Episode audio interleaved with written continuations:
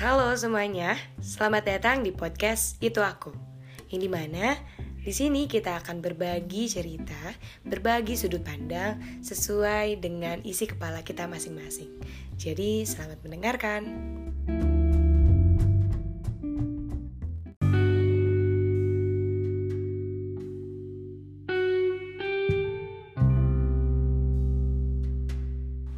Halo, kali ini aku mau berbagi um, sesuatu yang ada di pikiran aku sekarang.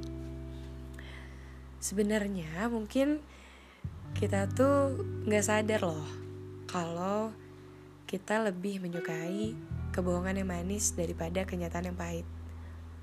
Dan aku sendiri pun seperti itu. Aku kadang terlena dengan manisnya sebuah kebohongan daripada pahitnya sebuah kenyataan. Dan aku lebih memilih kebohongan yang manis itu. Tapi teman-teman, ya mau gimana lagi? Iya, mau gimana lagi? Kita harus ngadepin kenyataan.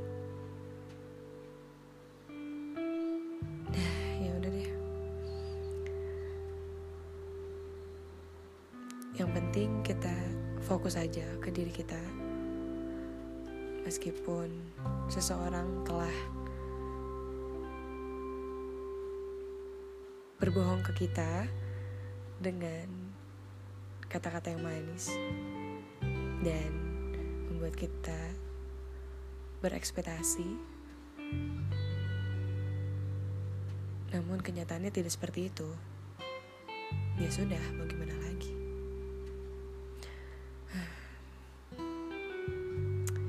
Tetap semangat terus ya. Soalnya